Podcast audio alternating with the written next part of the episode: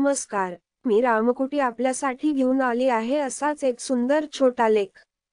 ऐका लेखाचे नाव आहे अध्यात्माचा पत्ता. हो बरोबर ऐकलत.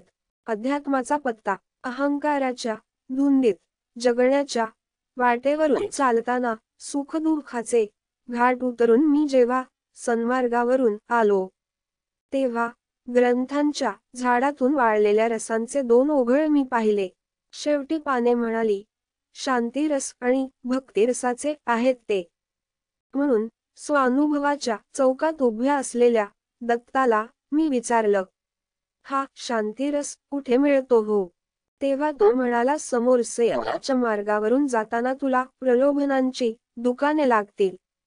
पुढे मायेचे सर्कल लागेल. म्हणजे गोल मोठा चौक. तिथेच मूर्खांचा बाजार म्हणून एक मोठा मॉल आहे. त्याच्या आधी शहाणपणाची एक छोटीशी गल्ली लागते. त्या गल्लीतूनच पुढे हळूहळू जा. आता पुढे वैराग्याचा आडवा रस्ता लागेल तो सावधानतेने ओलांडून पुढे. डाव्या हाताला बघ. ज्ञानाचे मंदिर दिसेल आणि समोरच अध्यात्माचे कॉम्प्लेक्स आहे. ठेकेदारांचे वॉचमन तुला आडवतील. नामाचा पास दाखवूनच जा. समोरच तुला चार बिल्डिंग दिसतील. वैखरी. मध्यमा. पशंती आणि परा. त्यातल्या परा बिल्डिंगमध्ये तीस या मजल्यावर स्वानंदाचा फ्लॅट आहे. दाराजवळ शरणागतीची बेल आहे ती वाजव. समोर कृपेचे दार उघडले जाईल. अदबीने आजचा दिवाणखान्यात. ध्यानाचा कोच असेल त्यावर जरा निवांत बैस. मुक्ती उभी असेल. समाधानाच्या ट्रेमध्ये. शांतिरसाचा कुंभ घेऊन. जय जय रामकृष्ण हरी माऊली. संपले. आपल्यासाठी रामकुटी पॉडकास्ट तसेच छान छान मेसेज ऑडिओ स्वरूपात घेऊन येत आहेत. म्हणजे मीच रामकुटीच वाचून दाखवणार आहे. रामकुटी पॉडकास्टवर ज्येष्ठ साधकांनी साध्या आवाजात छान दुर्मिळ स्तोत्र म्हटलेली आहेत ती नक्की ऐका आणि मुलांना पण ऐकवा. रामरक्षा व्हॉट्सअप ग्रुप आणि सौ मेघाताई बांभोरीकर यांनी रामरक्षाचे तेरा हजार आवर्तने रामनवमी पर्यंत म्हणण्याचे संकल्प केला आहे. तरी सर्वांनी रोज शक्य होईल तेवढे रामरक्षाचे आवर्तन करून युट्यूबवर रामकुटी चॅनलवर कॉमेंट्स मधून कळवावे. रामकुटी पॉडकास्ट आपण Apple podcast Amazon music Jio Saavn Gaana Google podcast Spotify tune in YouTube आणि जगातील पॉडकास्ट पुरवणाऱ्या सर्व्हिसवर आपण रामकुटी सर्च करा. रामकुटीचे spelling R A M K U T I किंवा मराठीत रामकुटी बरं आपली औषधे घेता येताना वेळेवर. काळजी घ्या आपल्या तब्येतीची. परत भेटूच. नक्की नवीन संदेश घेऊन येते. आपला दिवस शुभ जावो. आपलीच रामकुटी. नमस्कार मी आहे आपली रामकुटी. असाच एक छान मेसेज मी तुम्हाला वाचून दाखवते. आयुष्य. कोणतीही गोष्ट न चिडता न रागावता समोरच्याला सांगणे हे ज्याला जमलं त्याला आयुष्य जगायचं जमलं. कारण समोरच्यावर चिडणं खूप सोपं आहे. पण त्याला न दुखावता त्याला ती गोष्ट सांगणं खूप अवघड आहे. निसर्गाचा नियमच आहे की एका जागी दुसरी गोष्ट आली की पहिली निघून जाते. जसे पाणी आले की धूळ किंवा घाण निघून जाते. हवा आली की उष्णता निघून जाते. प्रकाश आला की अंधार निघून जातो. तसे आपल्या मनात चांगले विचार आले की वाईट विचार आपोआप निघून जातात. जीवनात जर शांतता हवी असेल तर दुसऱ्यांशी वाद घालण्यापेक्षा स्वतःला बदलून घ्या. कारण पूर्ण जगातच कार्पेट घालण्यापेक्षा स्वतःच्या पायात चप्पल घालणं जास्त सोपं आहे. आयुष्याच्या रस्त्यावर चालताना पडलंच पाहिजे. तेव्हाच तर कळतं कोण हसतंय कोण दुर्लक्ष करतय आणि कोण सावरायला येतय. कधी कधी शांतच राहणे खूप गरजेचं असते. आयुष्याकडे सगळ्याच प्रश्नाची उत्तरे मागायची नसतात. कारण ओंजळीत पाणी तर पकडू शकतो पण टिकवून नाही ठेवू शकत. आवश्यकतेपेक्षा जास्त मिळतं. त्याला म्हणतात नशीब. सर्व काही असूनही रडवतं त्याला म्हणतात दुर्दैव. आणि थोडे कमी सापडूनही आनंद देतं त्याला म्हणतात आयुष्य. किती छान आहे हा लेख. खूप कौतुक लिहिणाऱ्याचे. थांबा हा. चहा टाकते. असे छान स्तोत्रासाठी रामखटे ऐका. हो स्पॉटीफाय डाउनलोड करून घ्या. किंवा Jio Saavn Apple podcast Google podcast Amazon music. उपलब्ध आहे. माहिती आहे का आपल्याला? आमचे दहा हजार लिसन झालेत. अभिनंदन आपले आणि आभार. आपली रामखटी. ऐका बरं का. पॉडकास्ट रामकुटी. नमस्कार. रामकुटी. पॉडकास्ट आपल्यासाठी काही विशेष मेसेज ऑडिओ स्वरूपात घेऊन येत आहे. असाच एक व्हॉट्सअपवर आलेला मेसेज मी रामकुटी आपल्याला वाचून दाखवते. प्रश्न. देवदर्शनानंतर मंदिराच्या पायऱ्यांवर अथवा ओट्यावर थोडा वेळ बसावे असे म्हणतात. परंतु असे थोडा वेळ का बसावे? ह्याचे उत्तर एखाद्या मंदिराला भेट दिल्यानंतर आपण बाहेर येऊन मंदिराच्या पायऱ्यांजवळ काही क्षण विसावतो. असे परंपरेने चालत आले आहे. परंतु यामागील कारण आपणांस माहीत आहे का? ही प्राचीन परंपरा काही विशिष्ट उद्देशाने बनवली गेली आहे. किंबहुना अशा प्रकारे शांतपणे मंदिराच्या पायऱ्यांशी बसले असताना एका श्लोकाचे पठण करावे. आजच्या काळात लोकांना या श्लोकाचा विसर पडला आहे. या श्लोकावर चिंतन करा. आणि तो पुढील पिढीपर्यंत देखील अवश्य पोहोचवा. श्लोक पढीलप्रमाणे आहे. अनायासेन मरणम. विना दैन्यन जीवनम. देहांत तवसानिध्यम. देही मे परमेश्वरम. अर्थ. अनायासेन मरणम. म्हणजे आपल्याला सहजपणे त्रासरहित मृत्यू आला पाहिजे. आजारी होऊन. अंथरुणाला खिळून राहू नये. व्यथित होऊन मरू नये. तर आपल्या दैनंदिन जीवनात सर्वसाधारण दिवशी आपण जसे वावरतो तसेच मृत्यूच्या दिवसालाही सामोरे जावे. विना दैन्यन जीवनम. म्हणजे आपले जीवन कोणावर अवलंबून नसावे. कोणाजवळ असहायपणे आधाराची याचना करायला लागू नये. देहांते तवसानिध्यम. म्हणजे जेव्हा मृत्यू येईल तेव्हा तो परमेश्वराच्या सान्निध्यात यावा. त्याचे दर्शन घेत असताना देहत्याग घडावा. देही मे परमेश्वरम. हे परमेश्वरा मला असा आशीर्वाद दे. परमेश्वराची प्रार्थना करत असताना वरील श्लोकांचे पठण करावे. नोकरी. गाडी. बंगला. कन्या पती पत्नी घरदार पैसाळका वगैरे म्हणजे ऐहिक वस्तू मागू नका. तुमच्या योग्यतेप्रमाणे परमेश्वर त्या स्वतःहून आपणास देत असतो. म्हणून आपण देवदर्शनानंतर स्वस्थ चित्ताने बसून ही प्रार्थना करावी. ही प्रार्थना आहे विनंती अथवा याचना नव्हे.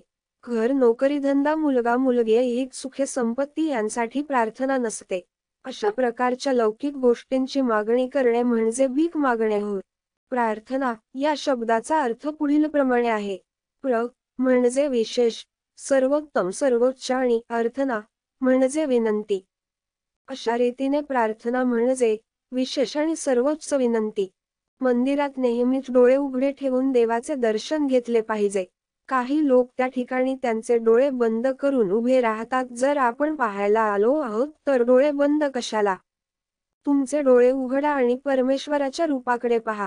त्याच्या दर्शनाचा संपूर्ण आनंद घ्या. त्या सर्वांग सुंदर परमेश्वराच्या निजस्वरूपाकडे डोळे भरून पहा. अशा दर्शनानंतर जेव्हा तुम्ही बाहेर स्वस्थ बसाल तेव्हा बंद डोळ्यांनी तुम्ही पाहिलेल्या या रूपाचे ध्यान करा. आणि जर ध्यानात परमेश्वर येत नसेल तर पुन्हा देवळात जा आणि पुन्हा दर्शन घ्या. माझ्या वाचण्यात आलेला हा सुंदर लेख मी आपणास वाचून दाखवलेला आहे. आपण हा मेसेज आणि माझा ऑडिओ आपल्या आप्तसखियांना पाठवा. संपले. रामकुटी पॉडकास्टवर आपण ज्येष्ठ साधकांनी साध्या आवाजात छान दुर्मिळ स्तोत्र म्हटलेली आहेत ती नक्की ऐका आणि मुलांना पण ऐकवा. रामकुटी पॉडकास्ट आपण Apple podcast Amazon music Jio Saavn Gaana Google podcast Spotify tune in YouTube आणि जगातील पॉडकास्ट पुरवणाऱ्या सर्व्हिसवर आपण रामकुटी सर्च करा. रामकुटीचे spelling R A M A K U T I किंवा मराठीत रामकुटी. जाते हो. अरे रे चुकलं माझं. जाते असे नाही म्हणायचं. येते असे म्हणायचं. आजीनं सांगितलं आहे. नक्की नवीन संदेश घेऊन येते हो. आपलीच रामकुटी. एक सुंदर आर्टिकल जरूर वाचाच. चाक. कथेचं शीर्षक आहे चाक. प्रिया आणि समीरच्या लग्नाला आता जवळजवळ तीन वर्ष होत आली होती. लव्ह मॅरेजच्या जमान्यात त्यांचं अरेंज मॅरेज होते. सुरुवातीला सगळं सुरळीत चालू होते. पण नंतर काही ना काही कारणामुळे खटके उडू लागले. प्रिया बँकमध्ये कामाला होती तर समीर एका परदेशी कंपनीत. घरात सगळ्या सुख सोयी होत्या. नव्हता तो फक्त एकमेकांसाठीचा वेळ आणि एकमेकांना समजून घेण्याची समज. भांडणाच कारण कधी गादीवर पडलेला ओला टॉवेल तर कधी किचनमध्ये सुरू राहिलेला पंखा. आजकाल तर काहीही शुल्लक कारण पुरेस होत हो आज सकाळीही खिडकीवर विसरलेला कालचा चहाचा कप वादळ उठवून गेला. दोघे एकमेकांशी तावातावने खूप भांडले आणि काही न खाता उपाशी ऑफिसला निघून गेले. आज नवीन महिन्याचा पहिला आठवडा त्यामुळे ऑफिसमध्ये काम भरपूर असणार. एखाद्या वेळेस लंचसाठी देखील वेळ मिळणार नाही. हे प्रियाला माहीत होत पण तरी देखील ती तशीच निघून आली. आज चार तारीख. म्हणजे दर महिन्याप्रमाणे आज पाटील आजी आजोबा पेन्शनसाठी बँकमध्ये येणार. पाटील आजी आजोबा संपूर्ण बँकमध्ये कौतुकाचा विषय होता. दोघे जोडीने नेहमी येत कडक इस्त्री केलेली कॉटनची साडी आणि तसाच कडक इस्त्रीचा कॉटनचा शर्ट. दोघे सत्तरीच्या घरात होते पण एकमेकांना खूप सांभाळत होते. दरवेळी येताना बरोबर शबनम बॅग त्यात पाण्याची बाटली छत्री बिस्किटचा पुडा आणि दोघांची डॉक्टरची फाईल न चुकता असे. त्यांच्याकडे बघून प्रिया नेहमी विचार करत असे की आपल्या नशिबात हे सुख का नाही? नेहमीप्रमाणे आजोबांनी स्वतःचा फॉर्म भरलांनी काउंटवर दिला आणि आजीकडे तिचा फॉर्म घ्यायला वळले आणि नेहमीप्रमाणे आजी रिकामा फॉर्म घेऊन तशीच उभी होती. अगं काय आहे एक साधा फॉर्म भरता येत नाही तुला. आणखी किती वर्ष माझ्याकडून भरून घेणार आहेस? आज शेवटचा भरतो आहे. पुढच्या वेळी तूच भर. असू द्या तुम्ही आहात ना? मग मी कशाला चिंता करू? आजीचं गोड हसून उत्तर थोड्याफार प्रमाणात हा संवाद दर महिन्याचा होता. आज काउंटरवर प्रिया होती. प्रियाच्या हातात फॉर्म देत बावळट आहेस. आजोबा पुटपुटले आणि चक काजी लाजली इथेच थांब. मी मॅनेजरला भेटून येतो. जाऊ नकोस कुठे. हरवशील. वेंधळी आहेस तू म्हणत आजोबा केबिनकडे गेले. आजी अहो इतके बोलतात आजोबा तर शिकून घ्या ना फॉर्म भरायला. त्यात काहीच कठीण नाहीये. प्रिया वेळ काढण्यासाठी बोलली. आची हसली. अग मला येतो भरता फॉर्म पण मला तो येत नाही म्हणून यांची होणारी ती प्रेमळ चिडचिड मला आवडते. मी एकटी सगळं करू शकते पण मी ते करू शकत नाही म्हणून हे जे जबाबदारीने करतात ते मला फार आवडत. ह्या वयात आपल्यावर कोणीतरी अवलंबून आहे हा विचार त्यांचा अहंकार सुखावतो आणि मग ते स्वतःची काळजी घेतात मला ते हवं आहे. संसारात दोघांनाही दोघांची गरज असते. एक चाक अडकलं तर दुसऱ्या चाकाने आणखी थोडा जोर लावून गाडी ओढायची असते. आजी गोड हसली. कॅबिन मधून आजोबा बाहेर आले नि आजी त्यांच्या पाठीमागे चालू लागली. दाराशी ये तिथेच थांब मी रिक्षा घेऊन येतो म्हणून आजोबा निघाले नि आजीने त्यांना मागून हाक मारून छत्री हातात दिली. सगळा प्रसंग गोड होता. किती प्रेम आहे ना आजींचे आजोबांवर. बाजूला बसलेल्या सरिताला प्रिया म्हणाली अग दोघाचं बोल. आजीला उन्हाचा त्रास होतो म्हणून पाटील आजोबा तिला इथेच थांबवून चालत जाऊन रिक्षा आणतात. नेहमी बॅगमध्ये कोकम सरबताची बाटली घेऊन फिरतात. खूप काळजी घेतात ते एकमेकांची. प्रियाला सकाळी घडलेला प्रसंग आठवला. समीरने काल लवकर आला तेव्हा दोघांसाठी चहा करून ठेवला होता. आणि हे तो जेव्हा जेव्हा लवकर यायचा तेव्हा तेव्हा करत होता. आज समीरशी शांतपणे बोलायचं प्रियाने ठरवलं. तिने समीरला फोन लावला काही खाल्लंस का? नाही ग आज एक महत्वाची मीटिंग आहे. तू काही खाल्लंस का? नाही. चल का मग होत राहतील काहीतरी खाऊन घे. उपाशी काम करत बसू नकोस. मी ब्रेक घेते. संध्याकाळी जेवायला बाहेर जायचं ठरवून प्रियाने फोन ठेवला. हळूहळू का होईना दोघांमध्ये वादाच्या जागी संवाद होऊ लागला. खटके उडत होते पण पूर्वीसारखं वातावरण नव्हतं. ह्या तीन चार महिने गेले आणि आज पुन्हा सकाळी बेडवर ओला टॉवेल बघून प्रियाचा पारा चढला. समीरने सॉरी म्हणून टॉवेल उचलला पण तोपर्यंत प्रिया खूप चिडली होती. नोकर नाही मी येथे. नाही जमणार मला सारखं ऍडजस्ट करायला. इतका आळशी स्वभाव बरा नाही. रागारागात प्रियाने तयारी केली नी ती ऑफिसला निघून गेली. काउंटरवर ती बसली होती आणि तिला दारातून पाटील आजोबा आत येताना दिसले. आज ते एकटेच होते आणि पेन्शनचा दिवसही नव्हता. काहीतरी वेगळं काम असेल म्हणून प्रिया पुन्हा आपल्या कामात गुंतली. शिपायाने साहेबांनी आत बोलावलं आहे हा तिला निरोप दिला. आत पाटील आजोबा बसले होते. प्रिया पाटील आपल्या बँकचे सगळ्यात जुने कस्टमर आहेत. त्यांना आज पर्सनली मदत कर. मी दुसऱ्या ब्रांच मध्ये चाललो आहे त्यामुळे you can sit here and help him with all the formalities आणि नायर साहेब निघून गेले. बोला आजोबा काय करायचं आहे? मला सावित्रीच अकाउंट क्लोज करायचं आहे. गेल्या आठवड्यात ती हार्ट अटॅकने घरी बसल्या जागी गेली. कोणीतरी जोरात ओरडल्यावर जसं कानसून न होतात प्रियाच तसं झालं. आय एम सॉरी च्या व्यतिरिक्त ती काहीच बोलू शकली नाही. आजोबा बोलत होते खूप काळजी घ्यायची माझी ती सगळं वेळच्या वेळी. मी सुरुवातीपासून वेंधळा पण ती प्रत्येक वेळी माझ्या चुका लपवायची माझ्या पाठीशी कायम उभी राहिली. तिला बहुतेक ती जाणार हे कळलं होतं. आजपर्यंत तिला कित्येक वेळा मी जेवण करण्यासाठी बाई ठेवू सुचवलं होतं. पण तिने कधीच ऐकलं नाही. पण पण एक पंधरा दिवसापूर्वी तिने जेवणासाठी बाई ठेवली तिला मला लागतं तसं जेवण शिकवलं. मी तिला चिडवलं देखील की पाटलीनबाई आता बसल्या जागी ऑर्डर देणार. आजोबांनी डोळ्याला रुमाल लावला प्रियालाही रडू आवरलं नाही. फॉर्मॅलिटीज पूर्ण करून आजोबा निघून गेले. प्रियाच लक्ष फोनकडे गेल समीरचा मेसेज स्क्रीनवर डिस्प्ले होत होता. सॉरी प्रिया मी आज पुन्हा टॉवेल विसरलो. I will try not to do it again पण यार तू त्यामुळे काही न खाता ऑफिसला जाऊ नकोस. I feel guilty. Please don't do that again. I have been pampered spoiled but till date आणि I am trying to change that please give me time to change myself I promise I will change I never have said this before but I always want you in my life no one can understand my mood the way you do please काही वेळ प्रिया फोनकडे बघत राहिली आणि तिला पाटील आजेच वाक्य आठवलं. आपल्यावर कोणीतरी अवलंबून आहे हा विचार त्यांचा पुरुषी अहंकार सुखावतो. संसारात दोघांनाही दोघांची गरज असते. एक चाक अडकलं तर दुसऱ्या चाकाने आणखी थोडा जोर लावून गाडी ओढायची असते. हो खरं आहे. एक चाक अडकलं तर दुसऱ्या चाकाने आणखी थोडा जोर लावून गाडी ओढायची असते. आणि प्रियाने त्याला रिप्लाय सेंड केला. Sorry I too lose my control every now and then I will also try to work on it you too please give me time for that I too always want you to be there in my life you are my entire support system and we both will work towards understanding each other. तात्पर्य तात्विक भांडण सर्वांशी होते. पण राग कायम कुणाशीच ठेवू नये. खरं तर मतभेद एकमेकांशी असू शकतात. जरूर असावे. पण मनात कायम भेद ठेवू नये. एखाद्याशी वाद घालावा. पण वादावादी न करता क्षणात सुसंवाद साधावा. अहंकार हाच सर्वाच मूळ आहे. तो विनाकारण बाळगून जगू नये.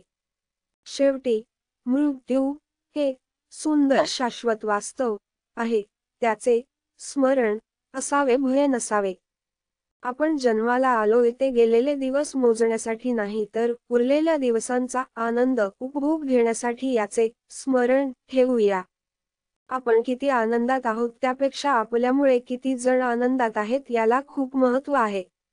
एक हृदय घेऊन आलोय जाताना लाखो हृदयात जागा करून जाता आलं पाहिजे. क्षमा करा प्रेम द्या प्रेम घ्या. हो नम खरं आहे ना संपले. आपल्यासाठी रामकोटी पॉडकास्ट तसेच छान छान मेसेज ऑडिओ स्वरूपात घेऊन येत आहेत. म्हणजे मीच रामकुटीच वाचून दाखवणार आहे. रामकुटी पॉडकास्टवर ज्येष्ठ साधकांनी साध्या आवाजात छान दुर्मिळ स्तोत्र म्हटलेली आहेत ती नक्की ऐका आणि मुलांना पण ऐकवा. रामरक्षा व्हॉट्सअप ग्रुप आणि सौ मेघाताई बांभोरीकर यांनी रामरक्षाचे तेरा हजार आवर्तने रामनवमी पर्यंत म्हणण्याचे संकल्प केला आहे. तरी सर्वांनी रोज शक्य होईल तेवढे रामरक्षाची आवर्तन करून युट्यूबवर रामकुटी चॅनलवर रामरक्षाला कॉमेंट्स मधून कळवावे.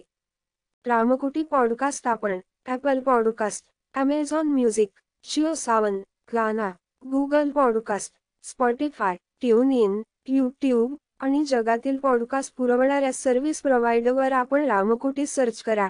रामकुटीचे spelling R A M K U T I किंवा मराठीत रामकुटी. परत भेटूच. नक्की नवीन संदेश घेऊन येते. आपला दिवस शुभ जावो. आपलीच रामकुटी. नमस्कार ताई आणि दादा. माझे नाव रामकुटी आहे. हा खालील मेसेज श्रीकांत दादांनी मला पाठवला त्यामुळे मी आपणासाठी याचे वाचन करत आहे. वाचतेह ऐका गढूळ पाण्याला ढवळत बसण्यापेक्षा त्याला शांत राहू द्या गाळ आपोआप खाली बसतो तसेच जीवनात कितीही ताणतणाव असले तरी डोकं शांत ठेवा मार्ग नक्कीच निघतो जीवनात मागे बघाल तर अनुभव मिळेल पुढे बघाल तर आशा मिळेल आजूबाजूला बघाल तर सत्य मिळेल. आणि अंतर्मनात बघाल तर आत्मविश्वास मिळेल. वाद घालायचाच ठरवला तर छोट्यातल्या छोट्या गोष्टीवरही वाद घालता येऊ शकतो. पण समजून घ्यायचेच ठरवले तर मोठ्यातली मोठी गोष्टही समजून घेता येऊ शकते. दगड तोपर्यंत सुरक्षित राहतो जोपर्यंत तो डोंगराबरोबर राहतो. पान तोपर्यंत सुरक्षित राहते जोपर्यंत ते झाडाबरोबर राहते. आणि माणूस तोपर्यंत सुरक्षित राहतो जोपर्यंत तो कुटुंबाबरोबर राहतो. कारण कुटुंबातून विभक्त होऊन स्वातंत्र्य तर मिळतेच पण संस्कार मात्र लोक पावतात. चांगली माणसं आपल्या जीवनात येणं हे आपली भाग्यता असते आणि त्यांना आपल्या जीवनात जपून ठेवणं हे आपल्यातली योग्यता असते. संपलं. आपणास माझे वाचन कसे वाटले ते कृपया ग्रुपमध्ये लाईक करून सांगा. असे छान छान मेसेज मी आपणा करता वाचून दाखवणार आहे. अजून छान ऐकण्यासाठी आपल्याकरता घेऊन आलो आहोत. पॉडकास्ट. रामकुटी रामकुटी यावर रामरक्षा व्हॉट्सअप ग्रुपमधील साधकांनी आपल्या आवाजात खूप सुंदर स्तोत्र म्हटलेले आहेत. आणि गुरुताई सौ मेघा बांभोरीकर यांनी संथा दिलेले स्तोत्र सुद्धा आहे. आपल्याला ऐकायला खूप छान वाटतं आणि मंत्रमुग्ध असं होतं.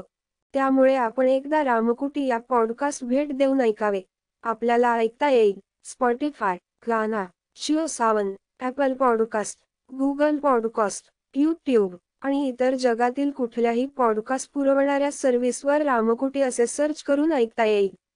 हे चॅनल लाईक करा सबस्क्राईब करा आणि कॉमेंट्स करा त्यामुळे उत्साह वाढतो आणि मदत होते.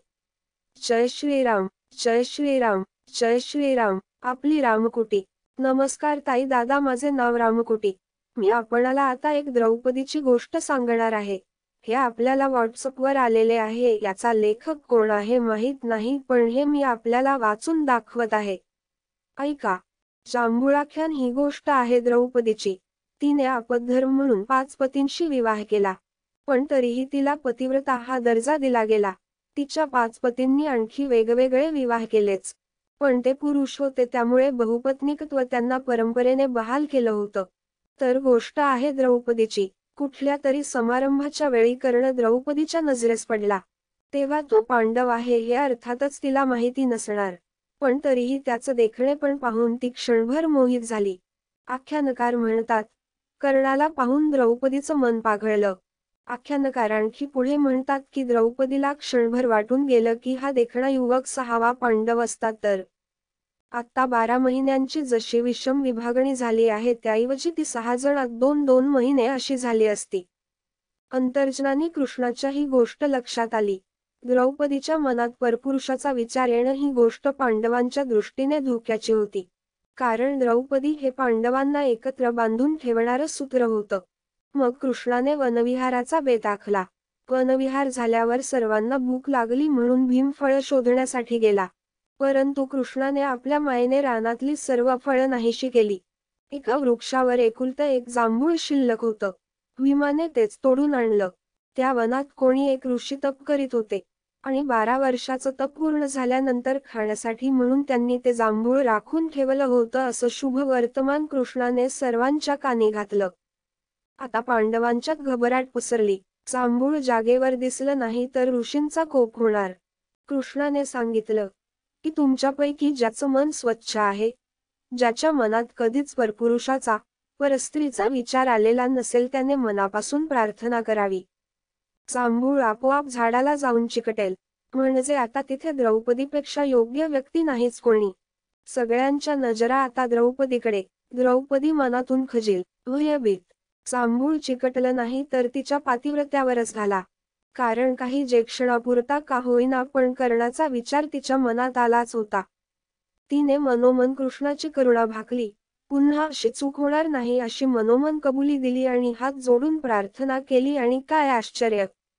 जांभूळ परत झाडाला चिकटलं पण उलट्या बाजूने द्रौपदीला तिच्या चुकीची सतत आठवण राहावी यासाठी कृष्णाने केलेली ही योजना. म्हणजे एका अर्थी उलट जांभूळ हे पापाचं प्रतीक म्हणून त्याला देवाच्या पूजेत उपासाच्या फळामध्ये स्थान नाही. आख्यानकार आणखीही सांगतो की जांभूळ खाल्लेलं लपवता येत नाही. शिव जांभळी करून सोडतं ते थोडक्यात केलेलं पाप लपत नाही. संपले. आपल्याला असे छान छान स्तोत्र पॉडकास्ट रामकुटीवर ऐकायला मिळेल आपण ते.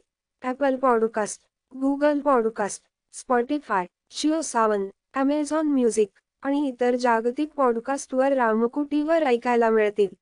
आपले रामकुटी नावाचे यूट्यूब चॅनल सुद्धा आहे. कृपया लाईक सबस्क्राईब आणि शेअर करा. बेलचे आयकॉन दाबायला विसरू नका.